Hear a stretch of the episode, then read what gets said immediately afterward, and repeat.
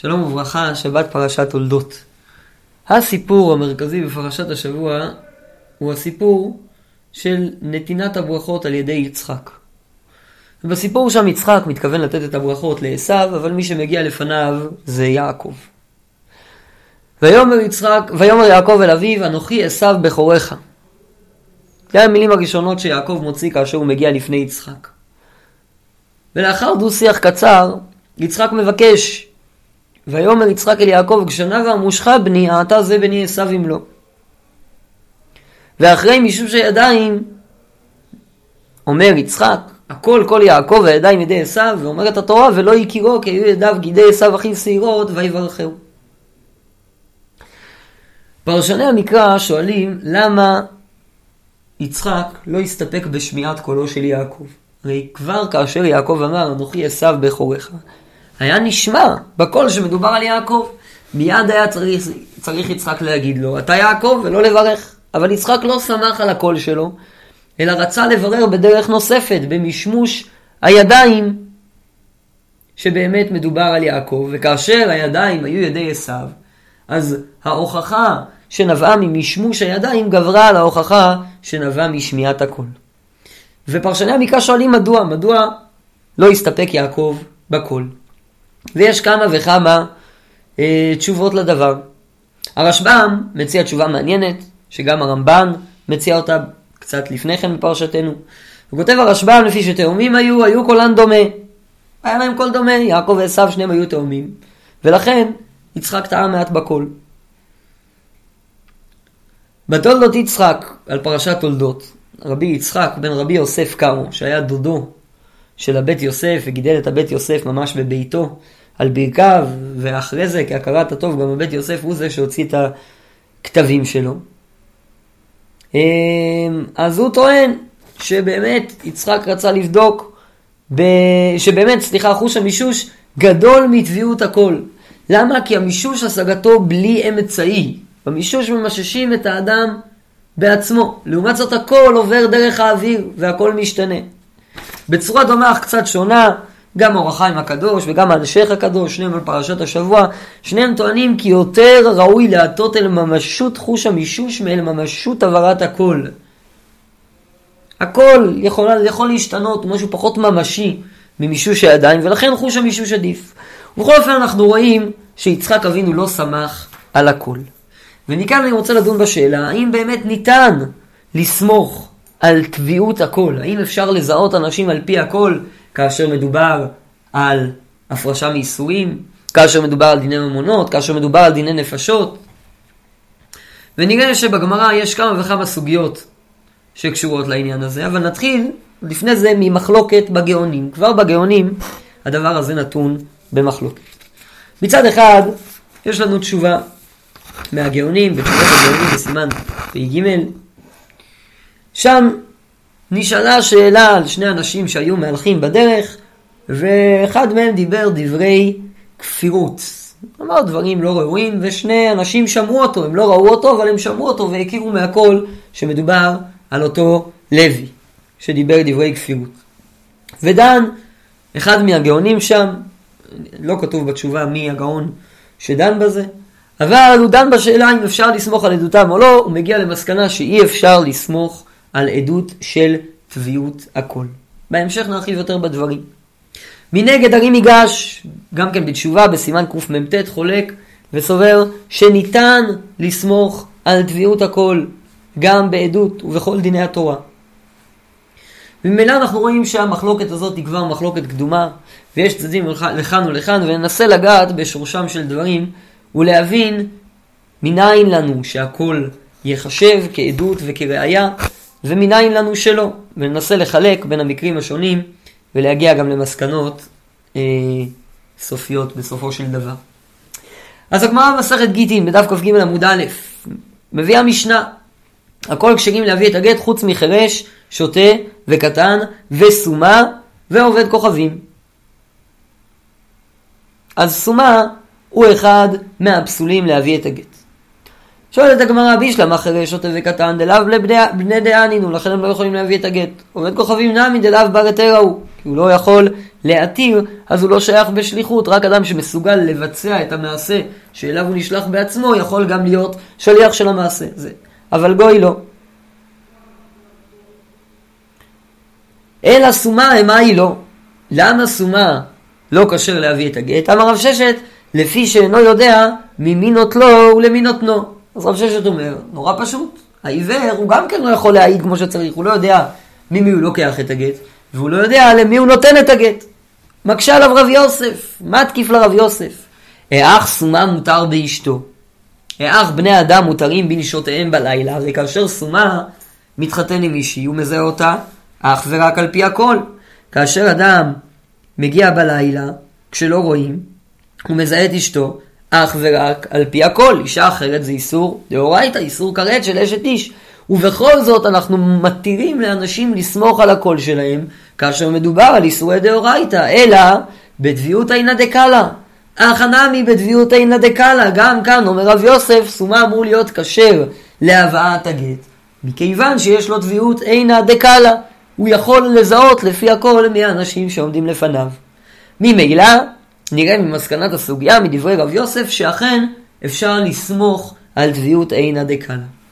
במקום נוסף, הגמרא מביאה את המימרה הזו במסכת חולין, בדף צדיק ו', שם הגמרא דנה ביחס בין טביעות עין לסימנים, ומוכיחה מהברייתא הזו שטביעות עין טובה יותר מסימנים.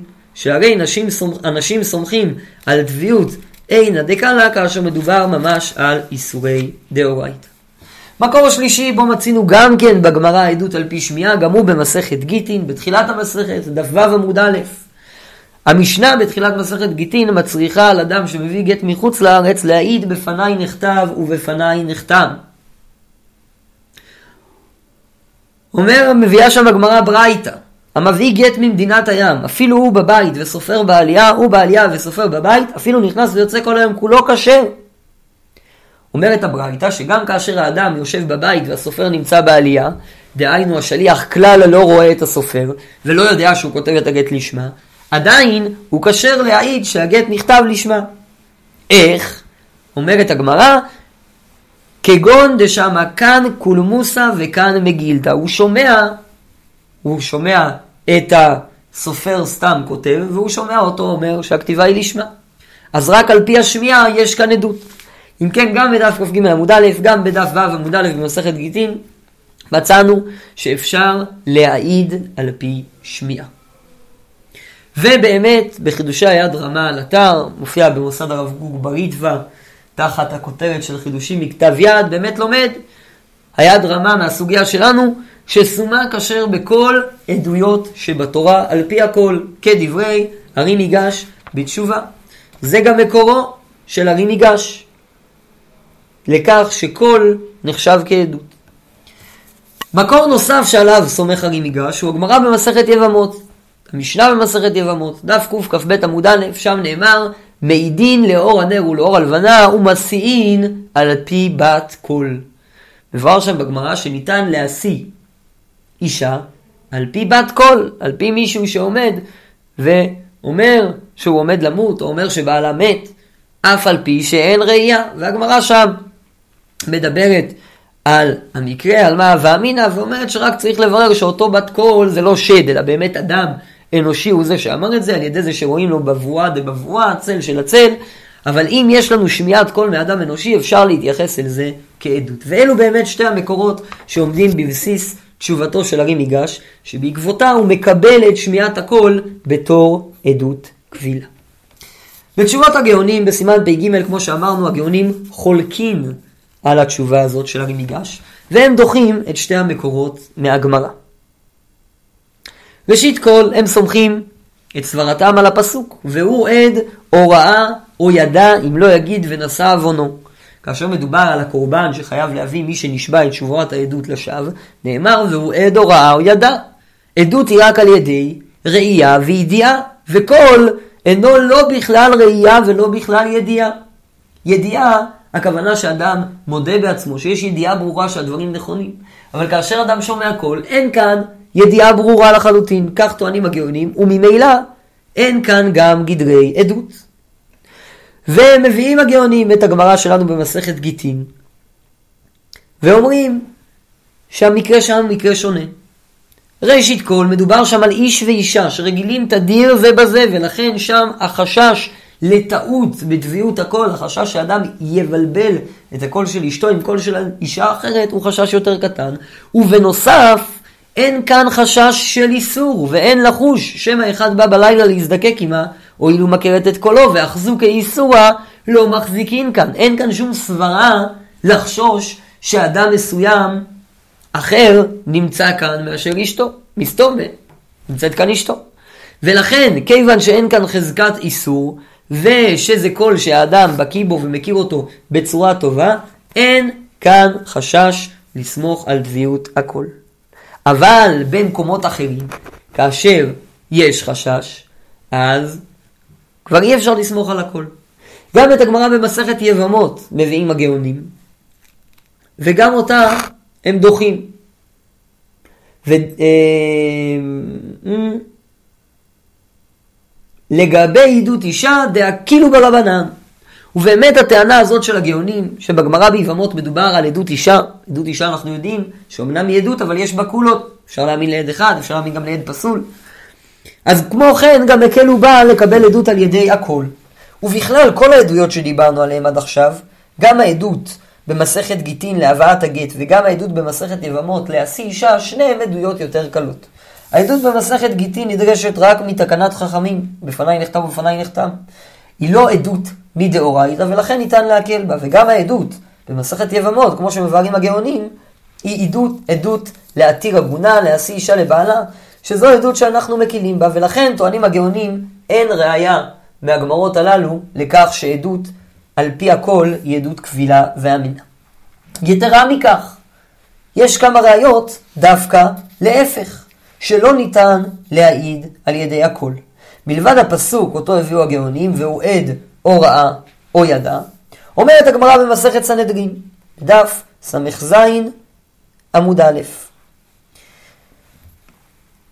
הגמרא שם מדברת על מסית, ושואלת איך אפשר להעיד על מסית שהוא אכן מסית. על מסית זה בסתר, בין אדם לחברו. בן אדם בא לבן אדם אחר ומשכנע אותו לעבוד עבודה זרה, אין כאן דבר שבפרהסיה. אז איך אפשר למצוא שני עדים שמעידים על מישהו שהוא מסית בשביל לבצע בו עדין מסית? אז אומרת הגמרא, שאר כל חייבי מיתות שבתורה אין מחמינים עליהם. אסור להחביא עדים לחייבי מיתות אחרים. הם צריכים לראות את העדים לפניהם כאשר הם עוברים את העבירה, חוץ מזו, חוץ ממסית. כיצד עושים לו? מבארת הגמרא, הברייתא. מדליקים לו את הנר בבית הפנימי, מושבים לו עדים בבית החיצון, כדי שהוא אין רואין אותו ושומעים את קולו, והוא אינו רואה אותם. ועלה אומר לו, אמור מה שאמרת לי בייחוד, והוא אומר לו, וכך בעצם מפלילים את המסית. רש"י שם כותב, אין רואים אותו, לאור הנר שאימו, דאי לא מצי חזו לי, לא מצי מסדה עלי לחיוב קטלה. ואף על גב דשמי קלי. אומר רש"י, הברייתא כאן ציינה שמדליקים את הנר. למה? בשביל שהעדים יראו את מי שדובר אליהם. כי אם הם לא רואים אותו, לא סומכים על עדות הכל. למה דמצי למימר, אומר רש"י, לא אבי ינה. אין לנו ברור בקול שאכן האדם שמוציא את הקול הוא אותו אדם שאנחנו חושבים שזהו. יכול להיות שהתבלבלנו, שלא שמענו את הקול כמו שצריך. ומכאן בעצם מדייקים האחרונים באמת, גם מדברי רש"י מצינו מקור בראשונים, שבאמת עדות קול אינה נחשבת כעדות.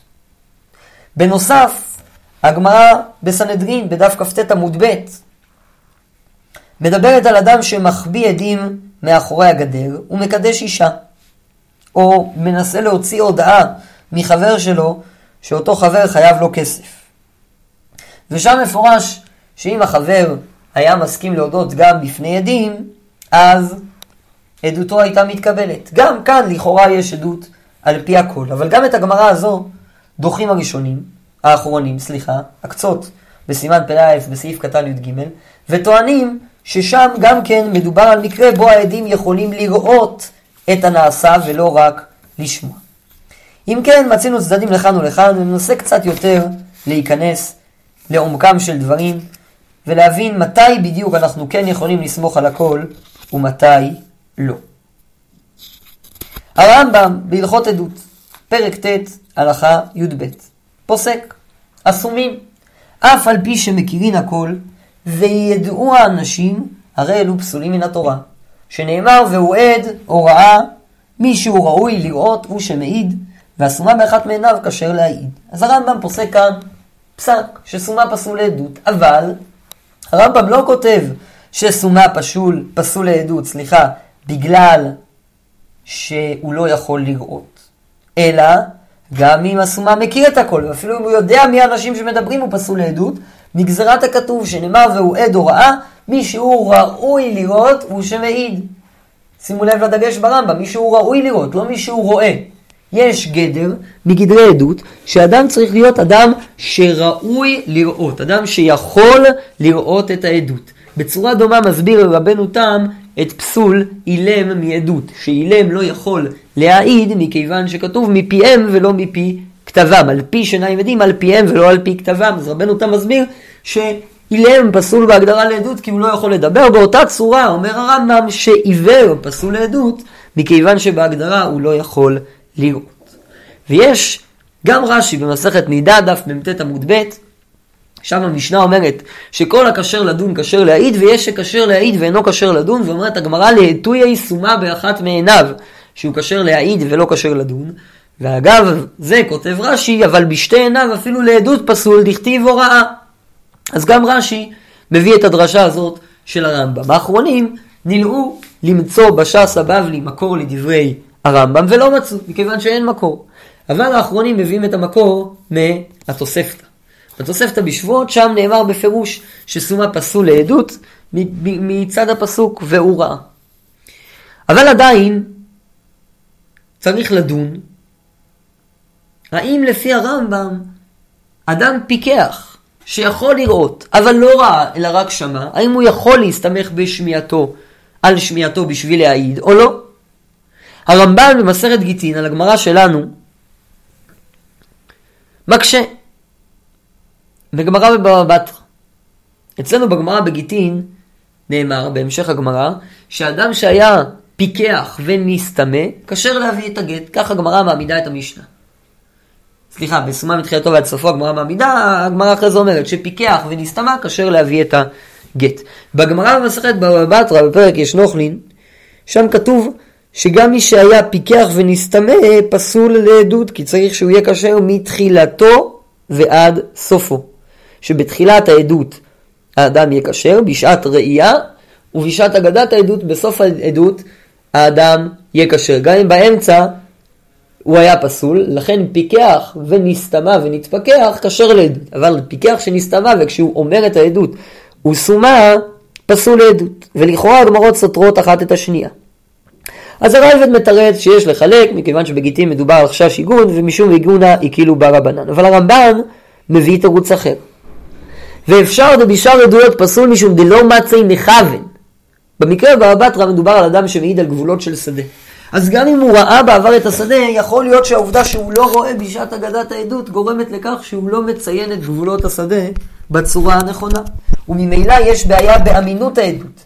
אבל לגבי עדות גט, אם האדם ראה שהגט נכתב כמו שצריך, הוא כבר ראה את כל מעשה העדות, אין בהגדה שלו התייחסות נוספת שדורשת ראייה, כמו בהגדרת שדה, הוא לא צריך להגיד עד כאן היה השדה, אלא הוא מחזיק את הגט כל הזמן, הוא יודע שזה הגט, ולכן הוא נאמן לומר שהגט הזה נכתב בכשרות. ממילא עולה מדברי הרמב"ן שהפסול של סומה נובע מחוסר היכולת שלו להעיד בצורה אמינה, ולא כמו שהרמב"ם כותב בגלל פסול עקרוני. אז לפי הרמב"ן יש מקום לומר ששמיעה בלבד לא נחשבת ראייה, למרות שזה לא עיקר הנידון שלו. אבל לפי הרמב"ם באמת יש לדון לדברים, בדברים. ומצאנו ברשש, בסנהדרין דף ס"ז עמוד א', שהרשש מדייק מדברי הרמב"ם. שתביעות אינה דקאלה, עדות על פי הכל, מועילה. למה? שהרי הרמב"ם פסל סומה דווקא בגלל ההגדרה של הוראה. אבל אם בהגדרה הסומה רואה, והוא מכיר את האנשים, ויודע להעיד כמו שצריך על פי הכל, הנה חינמי, עדותו תהיה עדות. אז לא כולם הסכימו לדברי הרשש האלו, אבל כך הוא מבין את הרמב"ם. ואם כן מצינו שגם מדברי הרמב"ם ניתן לדייק שאפשר להעיד על ידי שמיעה. אז עד עכשיו ראינו את שתי הדעות הקיצוניות, את המתירים, לסמוך על השמיעה בעדות, ואת האוסרים. עכשיו נראה כמה דעות ביניים שמחלקים בין תחומים שונים. ועיקר הדעות מתחיל בסתירה לכאורה בין שתי גמרות. הגמרא בסנהדרין דף ס"ז עמוד א', שמדברת על עדות של מסית, וראינו את רש"י שמדייק ממנה שעדות בראייה פסולה. לעומת הגמרא שלנו וגמרות אחרות, שמהם מפורש שעדות בראייה מועילה. אז היד רמה בסנהדרין מקשה בין הגמרות, ומתרץ שנה אחא בגיטין, שמדובר על עדות אישה. וכך גם הוא מתרץ את הקושייה מיבמות. ובעצם מחלק היד רמה בין עדויות גרועות לבין עדויות טובות. עדות טובה, עדות אמיתית, שצריך בה עדות אמיתית, במקום שצריך עדות אמיתית, אמיתית שם השמיעה לא תהווה עדות. אבל במקום שצריך עדות גרועה, כמו במקרה שלנו בגיטין, או כמו בגמרא ביבמות, אז נסתפק גם בעדות של שמיעה. וכאן אפשר לדון קצת בשאלה, מה בדיוק הגדרתה של שמיעה. האם אדם שיודע משהו על ידי שמיעה, או יודע משהו על ידי ראייה, יש הבדל בין הדברים או לא. או בניסוח הלמדני של זה, האם יש הבדל בין תביעות עינא דקאלה לסתם תביעות עינא. אז במחנה חיים, רב חיים סויפר בסימן נ"ו, דן בגדרים של תביעות עינא, והוא מוכיח מדברי הגמרא בחולין, שתביעות קלה היא בדיוק כמו תביעות עינא. הגמרא בחולין בדף צדיקי עמוד ב' מביאה את דברי רבא. אמר רבא מרישא ואמינא סימנה עדיף מתביעות עינה. רבא סובר בהתחלה, כך הוא חשב, שסימן עדיף מתביעות עין, כי הרי אנחנו מחזירים אבדה על פי סימנים, ולא מחזירים אבדה על פי תביעות עין. אשתא דשמתינו לאן השמעת, לפני זה מופיעה, מופיע בגמרא בחולין רשימת שמועות שבהם תלמידי חכמים מהאמוראים סמכו על תביעות עינה. אמינא תביעות אינה עדיפה. עכשיו אני יודע שתביעות אינה עדיפה, ומה הראייה שלי? דאי לא תימא אחי, האח סומה מותר באשתו, ובני אדם איך מותרים בין בלילה, אלא תביעות אינה דקלה, אך הנמי בתביעות אינה, ובעצם מהברייתא שלנו בגיטין, מוכיח רבה שתביעות עין טובה יותר מסימנים. סימן הוא לא עדות. בסימן אני יודע שחפץ שייך לאדם מסוים, מכיוון שיש בו סימן מסוים, אבל אין לי ידיעה ברורה, לא ראיתי את החפץ הזה אצל האדם אף פעם. אלא האדם אומר לי, ויש סימן על החפץ, אז אני עושה אחד ועוד אחד, ומבין שהחפץ שייך לאדם. בעדות, אחד ועוד אחד כזה הוא לא קביל. אם אדם ראה מישהו יוצא ממערה עם סכין ביד, שני אנשים נכנסים, אחד יוצא עם סכין ביד, ובתוך המערה נמצא השני הרוג, אומרת הגמרא, זה לא עדות. כי אין כאן ראייה, אין כאן ידיעה, יש כאן הסקת מסקנות, אחד ועוד אחד. אומנם הסקת מסקנות מתבקשת, אבל יש הסקת מסקנות. ולכאורה כתוב כאן בגמרא שטביעות עין היא ממש כמו טביעות עינא דקאלה. אבל המחנה חיים כאמור עושה קצת מתפלפל שם בגמרא הזאת. הוא מבין, הוא מביא שם בתשובה שלו ג' גדרים לטביעות עינא. וכך גם כותב הדברי חיים, בשו"ת, למרות שאליו נגיע עוד מעט. ג' גדרים בטביעות עין, יש טביעות עין בסימנים, סליחה, ג' גדרים בסימנים מביאה מחנה חיים. יש סימנים שהם סימנים מצוינים, בהם לא צריך להסתפק בשאלה אם סימנים דאורייתא או דרבנן, איזה סימנים שמתירים אישה על פיהם ועוד כל מיני דברים כאלה. יש סימנים שבהם אנחנו נדרשים לדיון האם סימנים דאורייתא או דרבנן, שהם מה שנקרא בגמרא סימן מובהק, סימן ברור, שהאחד ועוד אחד בו נורא מתבקש, אבל זה עדיין אחד ועוד אחד. הסימן שהוא לא צריך אפילו את השאלה אם סימנים דאורייתא או סימנים דרבנן, זה סימן שהוא סימן היכר קלאסי. למשל, אדם, לראות את הפנים של האדם זה סימן שהוא, אמנם סימן, זה אחד ועוד אחד, אבל הוא סימן ברור, הוא ממש ראייה. ויש סימן גרוע שהוא סימן ממש לא טוב, כמו סימן שאסור להשתנות, כל מיני דברים כאלה שבכלל לא נחשבים סימנים, גם אם סימנים הם מדאורייתא. אומר המחנה חיים, רב חיים סופר, שכל הדיון של רב היה רק לאיזה קבוצת סימנים לשייך את טביעות עינה. אבל ודאי שטביעות עינה לא יותר טובה מסימן, שטביעות עינה דקאלה לא יותר טובה מסימן. מדוע? מכיוון שגם בטביעות עינא דקאלה האדם עושה אחד ועוד אחד. הבית שמואל חולק על כך, והבית שמואל כותב בפירוש שהדברים ממש ממש שווים. כן, כותב הבית שמואל, ואין לחלק בין דביות עין לדביות קלה. סימן קמ"ב, סעיף קטן י"ח. מילא אין חילוק ביניהם. אבל המרחשת, וסליחה, אני, יכול להיות שהדברים לא היו ברורים דיים. גם המחנה חיים, גם חיים סופר, גם זו המסקנה שהוא מגיע אליה בסוף. הוא מציע הבנה אחרת בגמרא, ובסופו של דבר הוא גם לומד מפשט הגמרא בחולין, שבאמת טביעות עין, טביעות קול, היא בדיוק כמו טביעות עין, יש לה מעמד זהה, ולכן היא טובה יותר מסימנים. המרחשת, בחלק ב' סימן ו', חולק על זה. והוא מסביר סברה נפלאה, כן?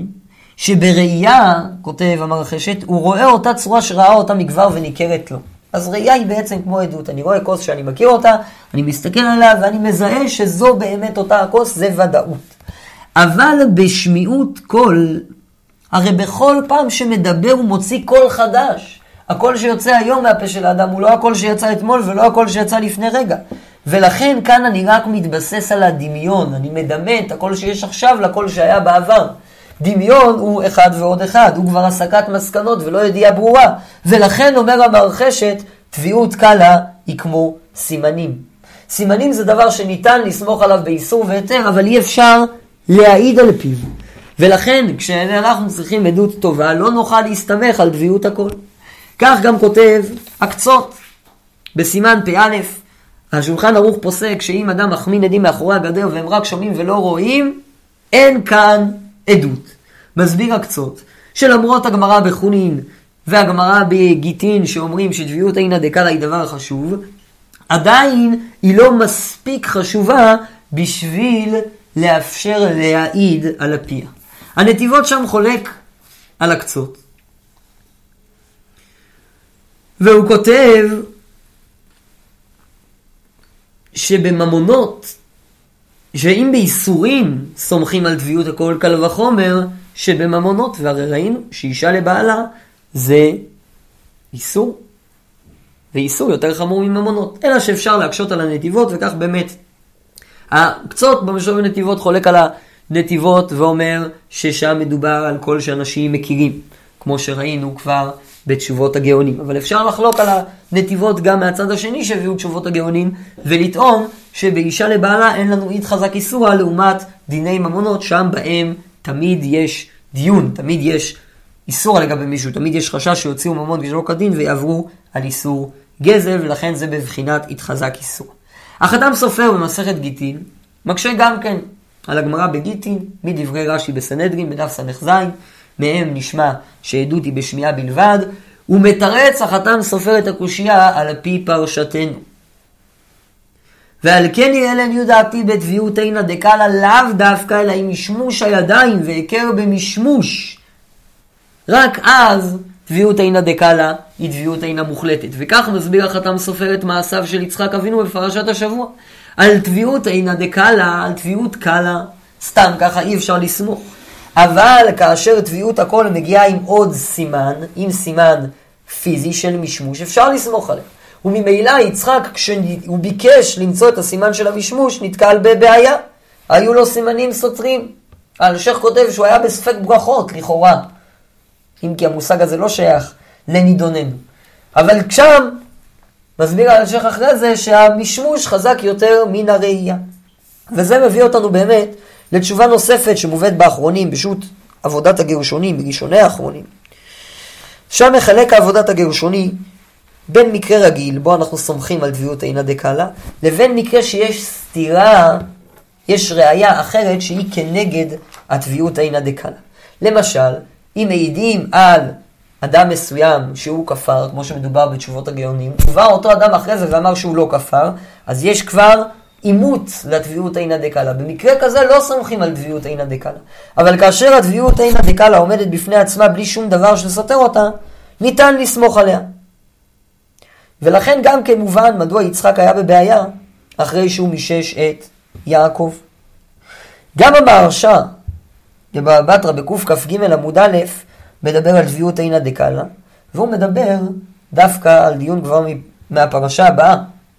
שם נאמר, ויהי בבוקר והנה לאה. יעקב חושב שהוא נושא את רחל, הוא מגלה שהוא נושא את לאה, ואומרת הגמרא שזה דווקא מתוך הסימנים שרחל נתנה ללאה את הסימנים שלה, וכך יעקב ידע, חשב בלילה שמדובר על רחל ולא על לאה.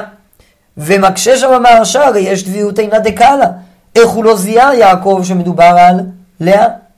הרי כתוב בפירוש, שם נאמר על דביעות אינה דקאלה, בגברים שבאים על נשותיהם בלילה.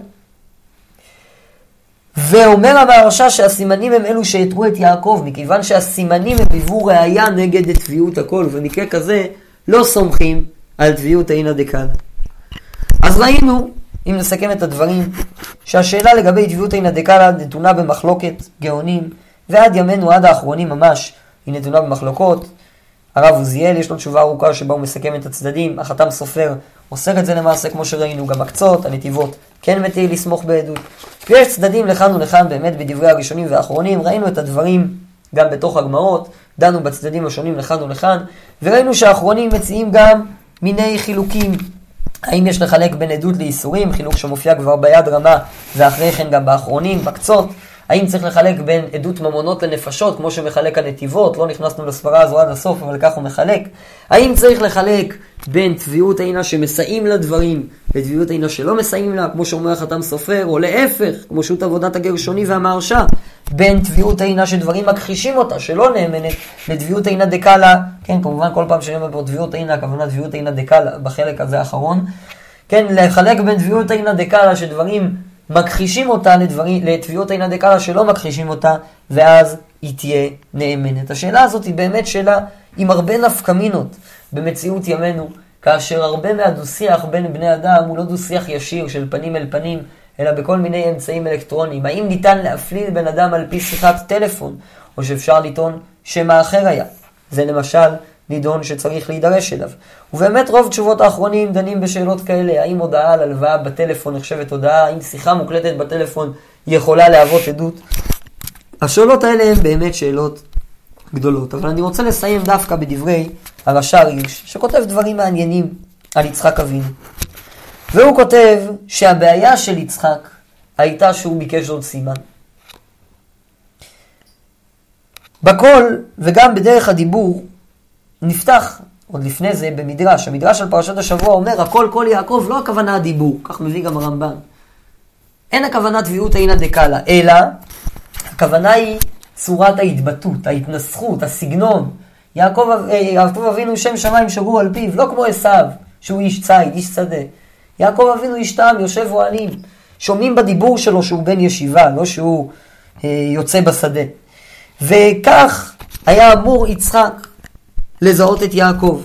אבל אומר הרש"ר הירש, יעקב אבינו לא שמח על הסימן הזה, על הפנימיות של האדם, על הצורה שבה הוא בוחר להגיד את הדברים, ואולי אפשר להוסיף אפילו על טון הדיבור שבו הוא בוחר את הדברים, אלא הוא רצה סימן גשמי, סימן פיזי, סימן חיצוני. בקול וגם בדרך הדיבור, השם אלוקיך, כהערת חז"ל, המדרש שהבאנו, באלה הוא מכיר את קולו של יעקב, ואף על פי כן הוא הולך שולל, יצחק הולך שולל אחרי סימן חיצוני בודד, הידיים השעירות. ודאי כך היה הדבר תמיד, הרושם הכללי של עשיו ודאי לא היה טוב. ועם זאת, הוא גנב את ליבו בכמה קווים חיצוניים ומלאכותיים. אז דווקא צריך גם לשים לב לנקודה הזאת ולהיזהר, לא תמיד להיתפס דווקא לדברים החיצוניים, אלא גם לשמוע את הקול הפנימי, שאולי הוא לא קביל בהלכות עדות, אבל עדיין יש הרבה מה ללמוד ממנו. שבת שלום.